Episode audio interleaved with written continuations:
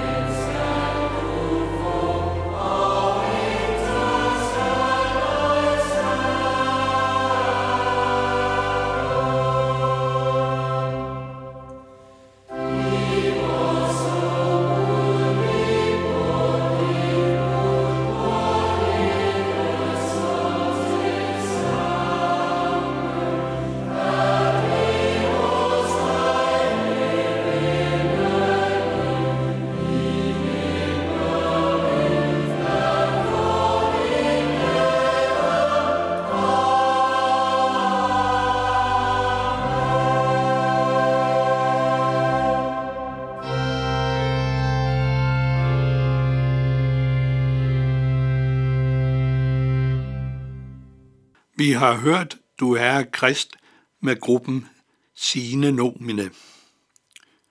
I de tidligere udsendelser har vi talt om, at den himmelske Gud og skaber er retfærdig i sit væsen og i sine gerninger, og tilsvarende kræver retfærdighed hos sit folk Israel.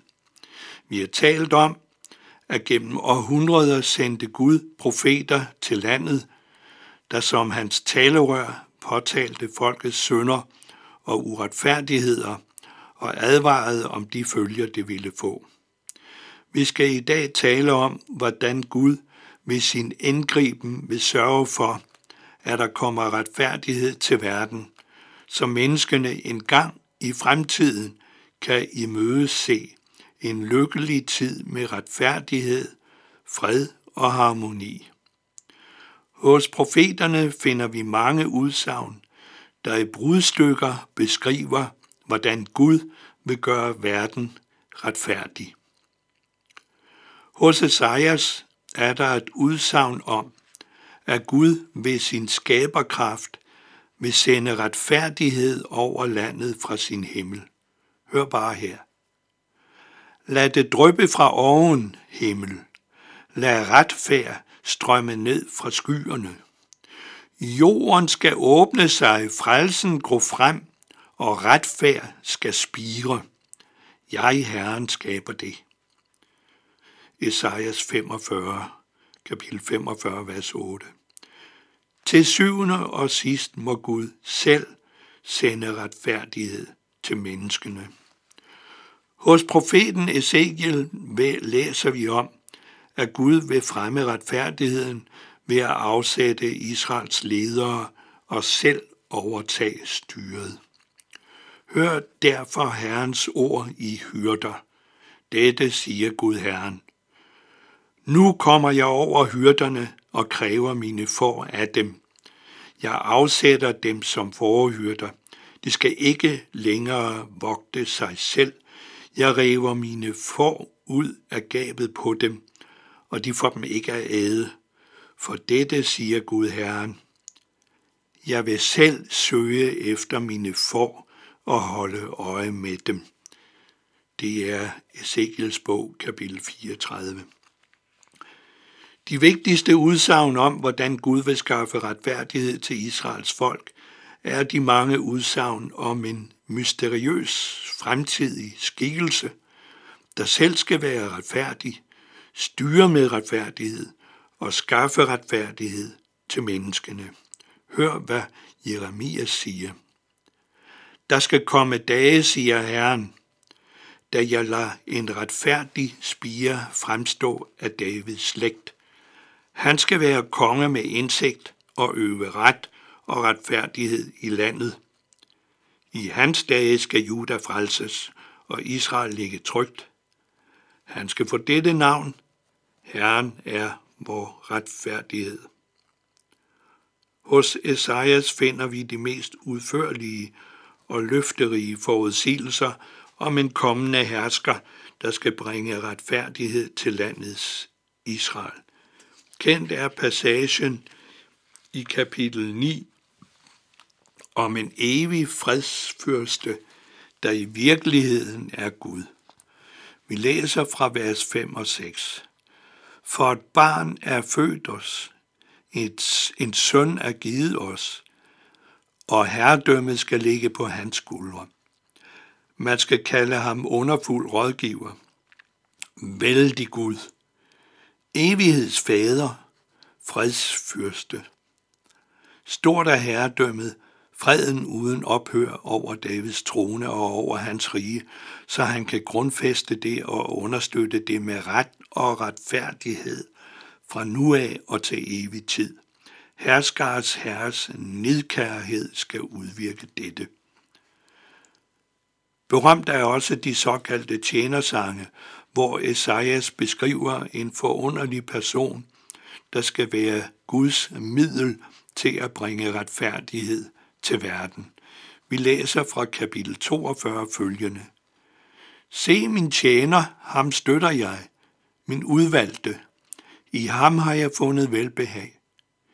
Jeg lader min ånd komme over ham, og han skal bringe ret til folkene. Han fører retten til sejr. Han bliver ikke svag og knækkes ikke, til han har ført retten igennem på jorden.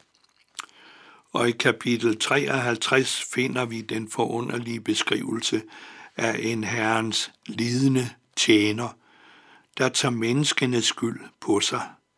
Klar siges det måske i versene 5 og 6. Men han blev gennemboret for vores overtrædelser og knust for vores sønder. Han blev straffet for, at vi kunne få fred. Ved hans sorg blev vi helbredt. Vi flakkede alle om som får. Vi vendte os hver sin vej. Men Herren lod al vores skyld ramme ham. Hele syv gange tales der i det pågældende afsnit om, at han bærer menneskers synder.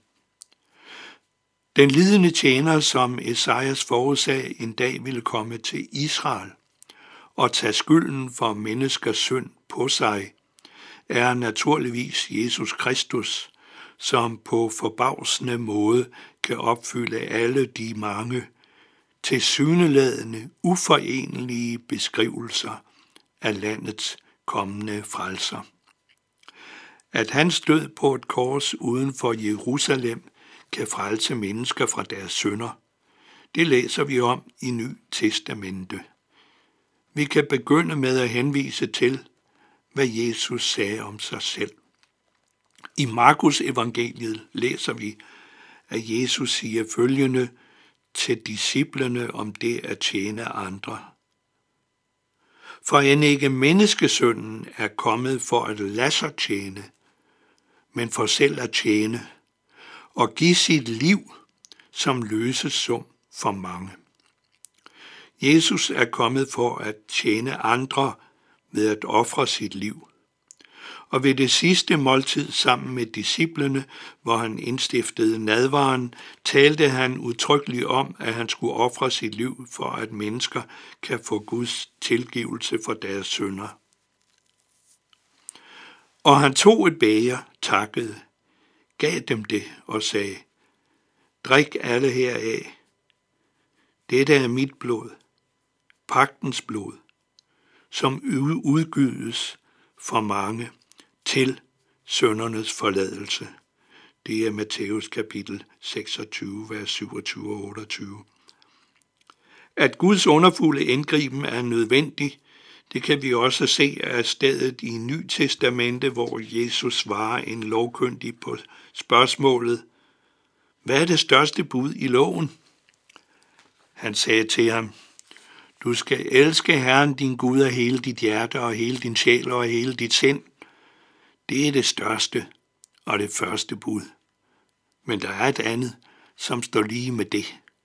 Du skal elske din næste som dig selv. Nu spørger jeg, hvem kan leve op til det? Mener du, at du lever op til disse kærlighedsbud? Og har du aldrig gjort noget forkert? Jeg spørger bare. Apostlen Paulus er klar i sin tale om menneskenes syndighed og behov for hjælp udefra.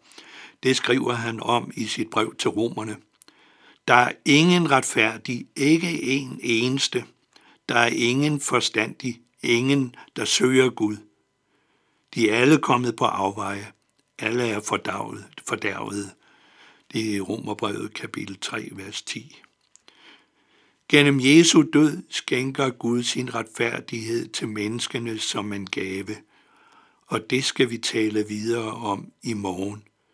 Må Gud velsigne din dag. Vi skal nu høre, jeg ved på hvem jeg tror, med Hammerum koret.